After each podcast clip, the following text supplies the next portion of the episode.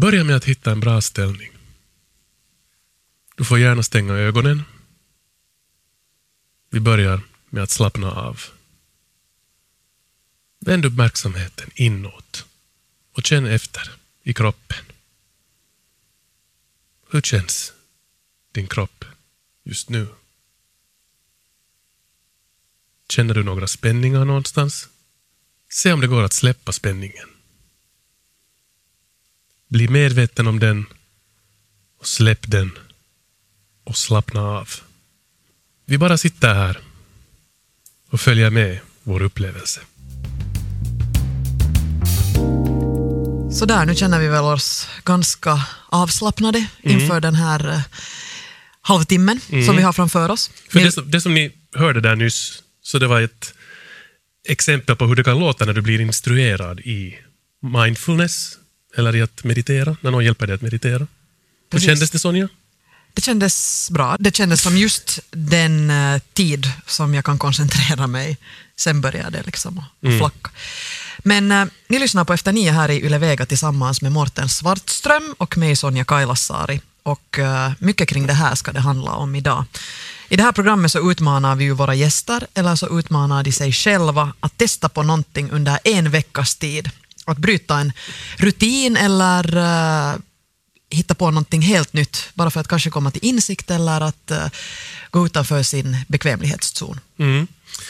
Och idag ska vi tala om att söka andlighet. Och uh, vad är andlighet och vad betyder det att bli upplyst, så att säga? Veckans gäst är skådespelaren Markus Groth. Hans mål har varit att hitta sitt inre jag, kan man väl säga, och komma underfund med, med vad det är. Markus har sökt eh, andlighet i, i många år bland annat via meditation. Och idag är han, är han här för att öppna upp vad det riktigt handlar om. Han har under den, de gångna veckorna, faktiskt, flera veckor, bekantat sig med tibetansk buddhism och har bland annat träffat Laman, som är den andliga ledaren för det buddhistiska templet i Jokkis. Mm. Och lite senare i det här programmet kommer vi också att få träffa buddhisten Maira Lindeberg. Hon är aktiv inom den buddhistiska rörelsen och en av grundarna till det tibetanska buddhistiska centret Dana Kosha i Finland. Hon och Markus ska tillsammans försöka bena ut vad andlighet är och vad det är att vara upplyst. Som sagt, veckans gäst i Efter nio är Markus Groth. Under den här veckan har Markus också fört lite dagbok och vi ska få ta del av dem om en liten stund. Men vi börjar med att lyssna på ett litet utdrag ur Markus Groths sommarprat i Yle Vega från i fjol.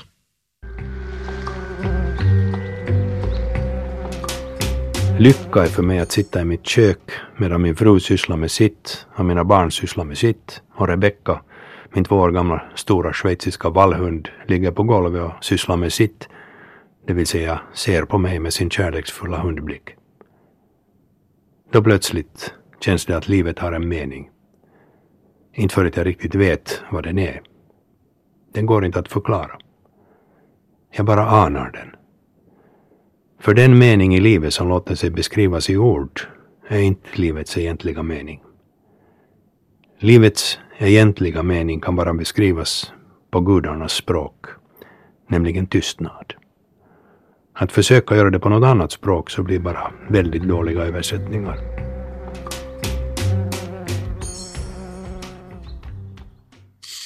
Hjärtligt välkommen Markus Groth. Tack. Där hörde vi alltså ett, eh, ett litet eh, utdrag ur ditt sommarprat från i fjol somras. Lite samma tankegångar som vi är här idag för att prata om, eller vad? Ja, jag tänkte genast säga att ni gjorde den här lilla övningen, mindfulness-övningen just då, och, det där, eh, och sa att det kommer att handla om, om det kanske, det här programmet. Nå, egentligen så handlar det inte om det, eftersom det här handlar inte om mindfulness, utan det här handlar om mind emptiness. Att tömma hjärnan, med andra ord. Eller? Mm, Ja, det kan man kanske säga, eller att försöka hitta det som finns eh, bortom tanken. Och det är ju helt jätteutmanande. För vi har testat någon gång med meditation och så vidare. Det, det är ju fullständigt kontinuerligt brus hela tiden Ja. av tankar. Nå, det är människans största utmaning, skulle jag säga, och det, det är egentligen livets mening, den innersta meningen att försöka hitta om det finns någonting bakom det. Vi identifierar, identifierar oss med våra tankar och med vår historia. Och det är där vi tror att vi är vår historia. Vi tror, att vi är våra tankar. Och det där, det är vi inte. Det finns någonting större bakom det här. Eh, jag vet inte vad det är. Det är, den, det är liksom, jag har tänkt att det är mitt livs sista stora resa. När jag står där på gravens rand så kommer jag nog inte att ångra någon produktion jag inte gjorde eller någon film jag inte var med i. Utan det enda jag kommer att ångra är att jag, om jag inte går på den här sista resan. Mm. Och, och på något sätt ser om det finns någonting, om det finns en möjlighet att få ett slut på den här konstanta rusningstrafiken som pågår i hjärnan. Och det finns också det här dualistiska, att det är inte bara det att det är en rusningstrafik, utan det är ofta någon som säger någonting till en annan. Det finns ett jag som säger någonting åt mig själv. Så det finns konstant en dialog som de flesta människor överhuvudtaget inte medvetna om. Vi är medvetna om det när vi ser någon tala högt den där dialogen i en spårvagn och då tänker vi att det där är ju en galning eller den borde in på.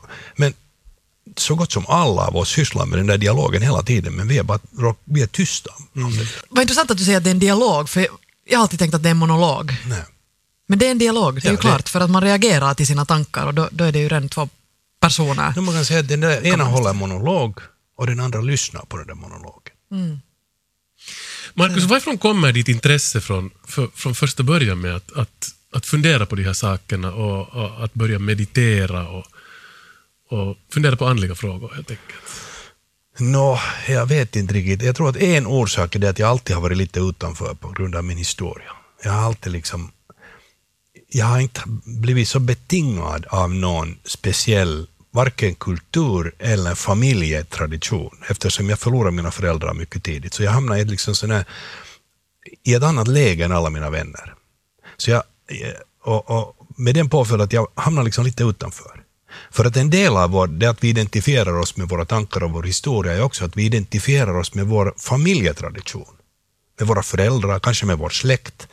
Också med vår, vår kulturella tradition, vår finlandssvenskhet eller vår, vår finskhet. Eller det att, att no, det här är kanske i första hand, att vi tror att vi är, att jag är en finlandssvensk eh, skådespelare som har förlorat min mamma och min pappa i ett tidigt skede. Men det är jag inte, jag är något mycket mer. Jag är liksom, så att om man tänker sig att jag till exempel skulle ha, eller någon av er skulle ha blivit bortadopterad när ni var ett år gammalt, till en kinesisk lantbrukarfamilj, så skulle ni ju antagligen ha en helt annan bild av vem ni är. Eller om ni skulle bli adopterad till en, en bilmekaniker i Kalifornien. Men det är trots allt samma ni, eller samma jag. Så att jag vill, liksom, jag vill undersöka vad är det här som är bakom den här identiteten som vi inbillar oss att vi är. Det man kan också tala om man och kvinna. Jag identifierar mig med att jag är man kanske, och du kanske med att du är en kvinna.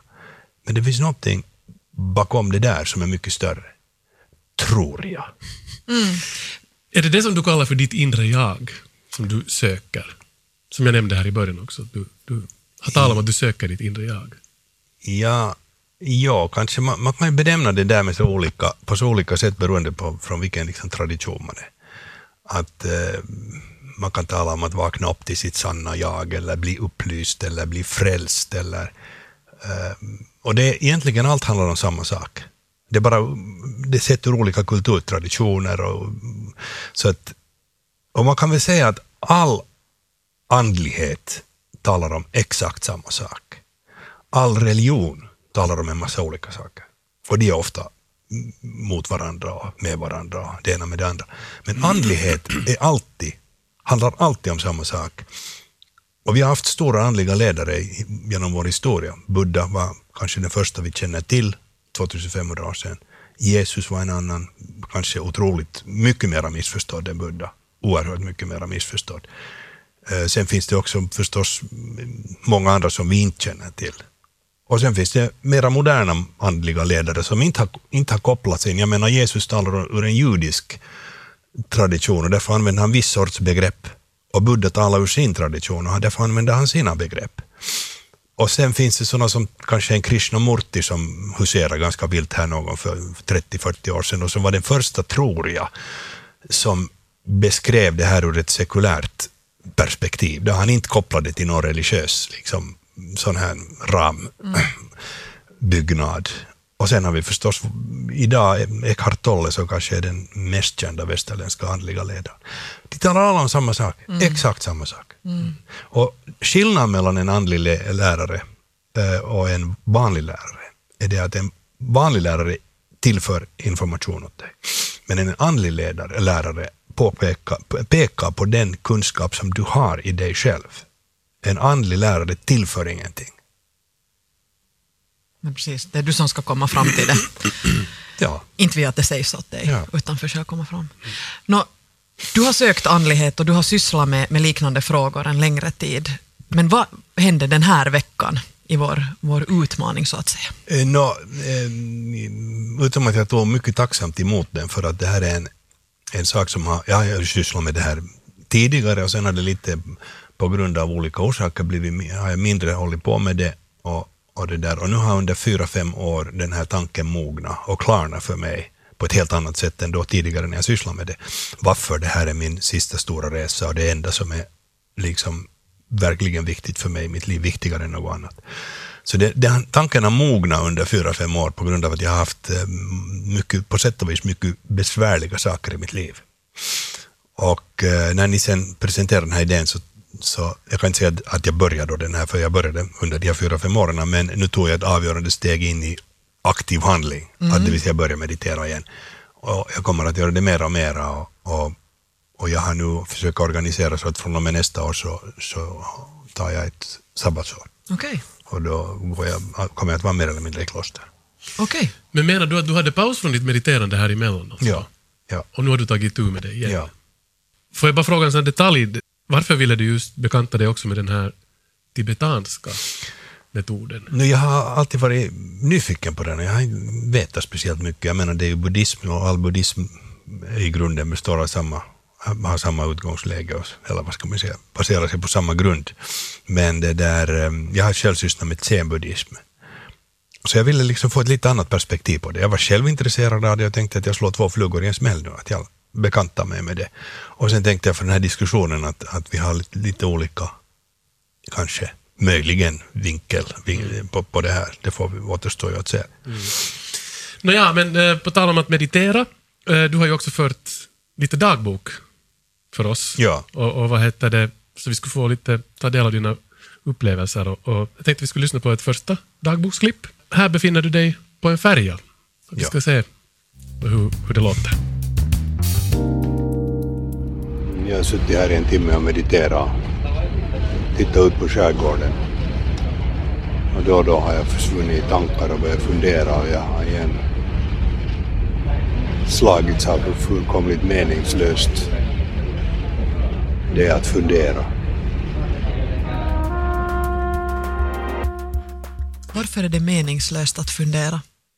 No, därför för att största delen av vårt funderande är liksom uh, icke viljestyrt. Det är sådär, vad ska man säga, re repetitivt. Och det ofta går i samma cirklar. Och det där, eh, det är ingenting som vi väljer, utan det är någonting som vi, vi drabbas av. Jag menar, det, man kan, det är lika felaktigt att säga att "Nå, jag sitter här och lite tänker. Jag skulle lika bra kunna säga att jag sitter här lite och smälter min, min mat, eller jag sitter här lite och, och pulserar mitt blod. Att det är lika lite viljestyrt, vårt tänkande. Vi är beroende. Vi är liksom, det är en, en obsession. Det är vår största obsession. Vad är det på svenska? Besatthet är det ju. Det. Besatthet. Ja. Precis, det är vår största besatthet. Och varje gång vi börjar tänka så tar vi ett steg ur närvaron, ur här och nu. För människan kan inte ägna sig åt två saker samtidigt. Vi kan inte både vara fullkomligt närvarande och tänka på någonting som ska komma eller någonting som har varit. Men att sitta på en färja, jag tänkte också på det här, det, det måste ju vara ganska mycket oljud, Ja, mycket människor, ja.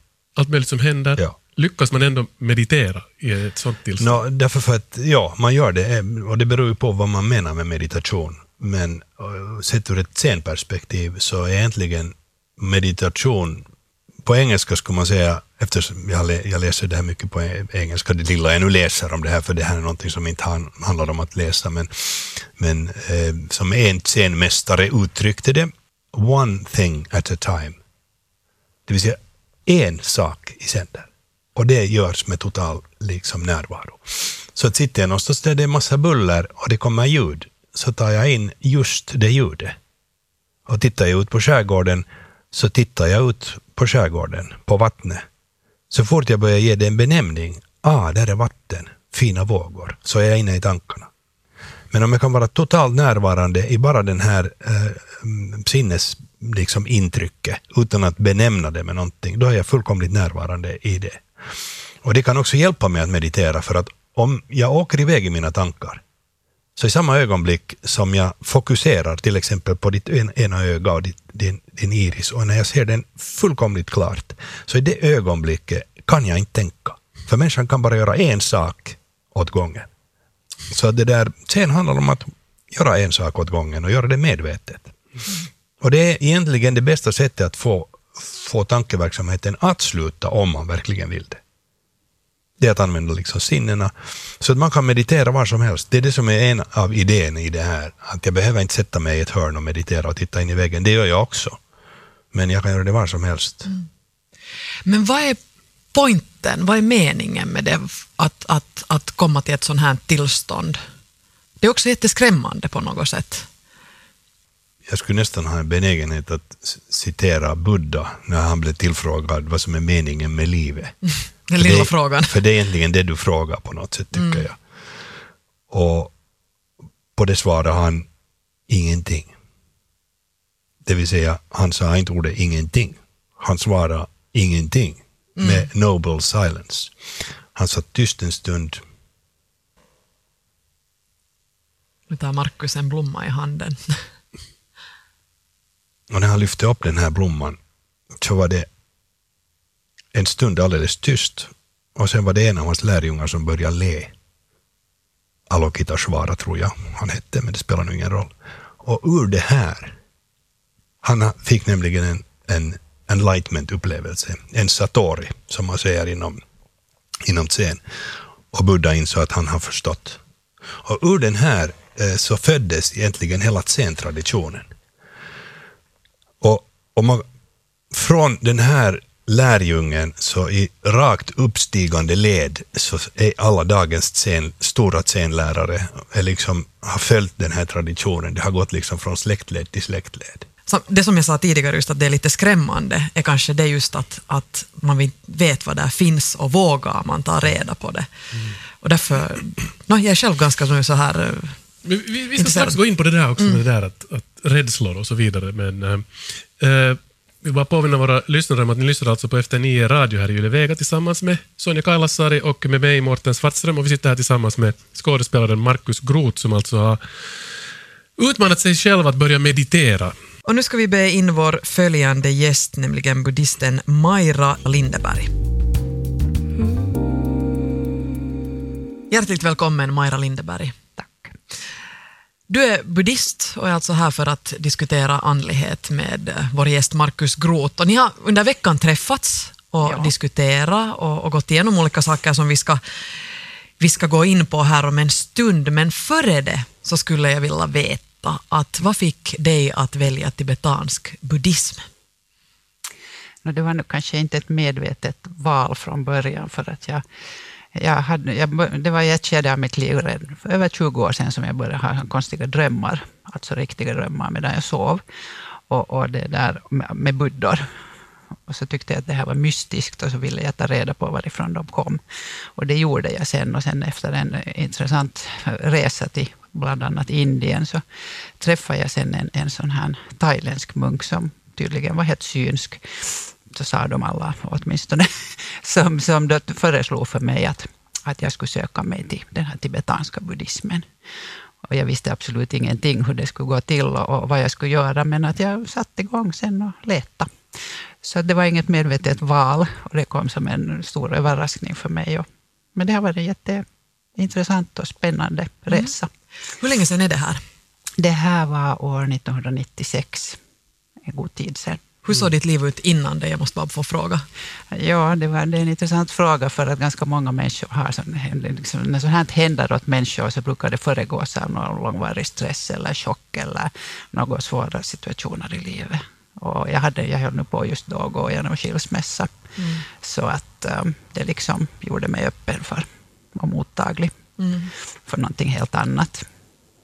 Men betyder det här att då när du fyller i sådana papper för myndigheter så kruxar du för buddhist, buddhism som din religion? Jag kruxar för namnet på, på vårt eh, religiösa samfund som heter Donakosha. Mm. Visserligen finns där inget ord med som betyder buddhist, men att i praktiken, eftersom det är ett registrerat samfund, så, så kan vi då utnyttja det i viss mån genom om man hamnar på sjukhus eller så där man kan ha kanske några speciella önskemål om man ska dö eller någonting liknande. Mm. Vi ska inte gå allt för något in på det här, Nej. men jag måste bara fråga snabbt, att, vad har det för praktisk betydelse uh, i vardagen, i, i, livet, med att man är buddhist här i, i Finland? Jag tänker sådär, en kristen går till kyrkan. Ja, ja. Alltså buddhism är ju en religion, men det är, också, det är ju också ett, en attityd, kan man säga. Det är ett sätt att leva, det är ett sätt att reagera. Och ju längre man kommer in på den här banan så, så förändras man kanske mer och mer hela tiden. Mm. Så att kanske man blir lite mer flexibel och lite trevligare. Och I vår, vårt fall, så, i, i, min tradition, så, så blir man faktiskt mera världstillvänd än frånvänd. Så att i, i den bemärkelsen så har det varit intressant att prata med Markus som, som kanske lite tittar bort. ja, från mig. Och det är också till den skillnaden att jag, jag ser det inte som en religion. Och där mm. har vi mm. kanske lite annan infallsvinkel. På mm. Ja. Eller det beror ju lite på hur man definierar religion. Men... Ja, men jag tycker att, att det, liksom, det finns kanske en sån här skiljelinje mellan religion och icke-religion, men att om man nu tittar på andlighet som det är, att hur, om man liksom frågar sig att vad är en andlig människa, så, så nu är det ju oftast en, en jag tycker åtminstone att det är vem som helst som är, som är vänlig och, och hjälpsam och inte skadar andra och flexibel och lätt att komma överens med. Så det kan ju vem som helst vara. Ja. Men att när man sen går med i någon, någon, någon sån här, man kanske vill träffa några andra likasinnade eller människor som tänker på samma sätt som en själv, så då kanske man söker sig till något mer systematiskt strukturerat utövande. Mm. För är det så att då känns det mera konkret, mm. att det vad du också sa nu är en, en, en, en point som jag inte ens har tänkt på, att egentligen de här egenskaperna som, som du nämnde är, är alltså egentligen då, kan vara andlighet. Jag skulle vilja vända ja. på det där att om man är andlig så får man de här egenskaperna. Ja, mm. det kan ju vara så också. Ja. ja. Och det, kanske, eller det, det är därför för att det är sådana egenskaper som är genuint för människan. Mm. Och det är inte de här som är, liksom är förknippade till egot och i synnerhet i vårt västerländska samhälle som saknar andlighet. Så där är en massa andra egenskaper, liksom, sådana som man strävar efter. Men i människan, i vårt innersta väsen, är vi goda och vi är altruistiska. Vi vill andra väl. Det är liksom så som, som liksom utvecklingen har gjort oss. Mm. Men i grund och botten är andlighet det att egentligen rikta bort eh, koncentrationen från sig själv egentligen utåt. Men sen igen när man mediterar och söker andlighet så riktar man sig inåt. Förstår ni? Ja, det kan man ju säga såklart. Att i grund och botten så är det ju, det är ju ett liksom dualistiskt sätt att tänka det där med utåt och inåt. Mm. För att uh, när man mediterar så försöker man kanske befria sig från sånt tänkande. Men att uh, jag tycker att man kan också tänka, liksom, om man då talar om andligt uppvaknande, så, så vad är det egentligen, just det där uppvaknande? Att är det liksom någon sorts um, uh, verktyg, eller är det ett resultat? Där det finns också en sån här viss dualism. Och är det någonting som man faktiskt kan sträva efter, eller någonting som kommer mer eller mindre automatiskt i och med att man gör någonting annat? Att det, det finns en massa intressanta aspekter i det där. Mm. Du, du, du sa uppvaknande. Mm. Kan man använda också ordet upplyst? Är det samma sak? No, I vår tradition, så för att vara upplyst, så ska man nog i praktiken vara Buddha. Och då okay, är det liksom okay. ganska mycket. det är kanske ganska mycket, ja. Men du har gått igenom ett uppvaknande. Det kan man säga.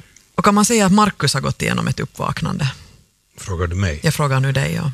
Uh, det vet jag inte. Det, kanske ett uppvaknande var det att, att jag insåg att ett uppvaknande inte behöver vara så dramatiskt och stort. Det, det är inte fråga om ett stort uppvaknande. Det kan vara för somliga ett så, så genomgripande att man, att man på sätt och vis ens ego försvinner.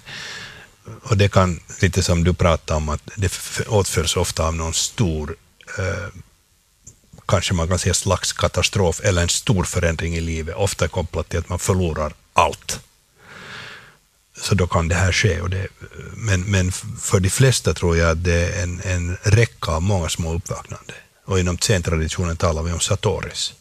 Och, och, det där, och det är liksom någonting som småningom förädlas igen. Så Ja, här. man liksom skalar bort lager och lager och lager av olika negativa äh, benägenheter som man har. Majra, du satt ju och lyssnade på den här första delen av, av det här programmet när, när vi diskuterade här på treman med Markus och han berättade om sina, sina tankar och sina erfarenheter. Nu, var, det, Ja. var det några frågor som infann sig hos dig eller någonting som, vad väckte det för tankar? Nå, tankar, det var just det här med tankar som väckte tankar. att, att när Markus sa att, att, att vi lätt identifierar oss med våra tankar, att vi, vi liksom tror att våra tankar är vi, och, och att det då i själva verket inte är på det viset. Men att det här liksom har jag upplevt nu under alla mina 22 år, att, att det, det är jättetypiskt västerländskt. Människor, människor är liksom västerlänningar som är akademiskt utbildade eller utbildade eller läser mycket. Att de, de liksom tänker helt enkelt alldeles för mycket. Och därför tycker jag att det är ganska befriande också i den här tibetanska buddhismen som jag, jag övar mig i. Att, att vi jobbar kanske mer med våra känslor. Och också med kroppen för all del. Genom handling. Liksom när man talar om kroppen så menar man att hur man handlar, vad man gör, hur man beter sig. Men att äh, just det där att eh, jag förstår att det kan vara väldigt stressigt om man hela tiden tänker på, tänker på vad man tänker på. Att tänka på vad man tänker på. Ja, det blir... Ja. Men då kommer vi kanske också lite in på det här, det här som, som Sonja var inne på här tidigare. Och den frågan som vi lovar att återkomma till. Det här med att, att när man sysslar med det här och man mediterar, kan det vid något skede bli skadligt för en själv? Att gå för mycket in i de här tankarna och i sig själv. Jag har sett fall nog var det händer. Men då är det alltid fråga om människor som inte har en, en liksom korrekt eh, utrustning, så att säga, eller de inte har en bra lärare. Att det är helt tryggt om man, om man följer, följer korrekta råd. Men att det kan också vara farligt om man sätter sig ner och börjar meditera helt på egen hand och bara tänka på sina tankar. Det, det är inte bra. Man, det, det finns människor som till och med går, går i psykos. Du, du nämnde Markus att när du ska ta ditt sabbatsår Ja. så kommer du att göra, du kommer att syssla ganska mycket med det här. ja. Är du överhuvudtaget orolig eller rädd för vad som kan hända? Nå, jag är ju liksom nog lite sådär rädd för att gå in i det där eftersom jag är så inriktad på, jag överlag gör så mycket saker. Att vad jag, men, jag kan inte säga att jag är rädd för att jag går in i en... Det finns någonting som jag har hört som kallas just för en meditationspsykos, det som du nämnde där. Men det handlar, tror jag, ofta om människor som har väldigt mycket oavslutade grejer i sitt liv. Det blir liksom en för stark grej för tidigt. Att har man liksom lite beta igenom det vad man går och bär på, så då tror jag inte att det finns den risken. Men det där, och jag tror, håller med dig precis, att eh, jag tror det är oerhört viktigt att man har en, en god lärare. Det är också lite det här västerländska delvis, att man ska klara allt själv. Det handlar om att lite ödmjuka sig inför att we are lost, very lost. och att jag behöver hjälp för att hitta ur det här. Och jag tror också det som du sa, att vi, vi är så otroligt västerlänningar fokuserade vid vår hjärna. Så för oss är kanske första steget i allmänhet att överhuvudtaget få den där rusningstrafiken att lite lugna sig så vi kan se någonting annat. Men det är säkert tror jag, en kulturell grej. Att i många andra kulturer, och i synnerhet alla lite mera, ska vi säga, ursprungligare kulturer, så där är de inte så fokuserade. på- Inte håller det tror jag på. Jag menar i var- vardagen heller och funderar så helvetes mycket som vi gör. det är liksom, man, I mitt tycke så är det för att man saknar just den här ödmjukheten som många asiatiska kulturer har. De föds in i det där att, att visa ödmjukhet mot sina lärare. Också vanliga skollärare är de ju jätte, jätte, jätte ödmjuka mot. Och, och det där, eh, så det, det är svårt. Första gången jag, jag såg liksom människor buga sig åt sin, sin munk, eh, jag var liksom helt chockad. Jag kunde inte förstå hur man gör det. Alltså, jag måste riktigt öva mig i det. Jag måste fråga hur gör man och, och varför gör man det? Och så här. Jag tyckte det var alldeles vansinnigt löjligt. Men då märkte jag ju sen till slut att, att det, det är ju liksom min egen känsla av värdighet som hindrar mig att, att buga mig. Så jag tycker att bara att buga sig är en jättebra övning. Buga mera, fundera mindre. Ja, buga mer och fundera mer. Men vi får önska all lycka till på färden, Marcus. På din resa, speciellt nästa år. Kanske vi kan återkomma och se hur Jo, det Och vänta på hans bok om ämnet. Ja, ja, jag ska skriva en bok om det också. Eh, Egentligen inte därför för att jag... Nej, jag går inte in på det.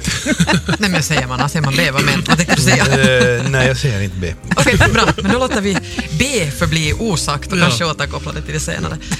Tack så jättemycket Maira och tack så jättemycket Markus. Tack för det här. De här dagboksklippen, så till sist tänkte jag bara säga åt lyssnarna att de kan bra gå in och titta också på arenan på, på Marcus dagboksklipp där du mediterar för att lite få se en bild av hur det, hur det helt enkelt ser ut och hur, hur, hur du går tillväga. Så att eh, gå in på arenan och titta. Det är fascinerande. Eh, men som sagt, tack för oss också. Eh, ni har lyssnat på Efter nio radio här i Yle Vega tillsammans med Sonja Kailasari och med mig Morten Svartström och vi hörs igen som vanligt nästa vecka med nya gäster och nya utmaningar.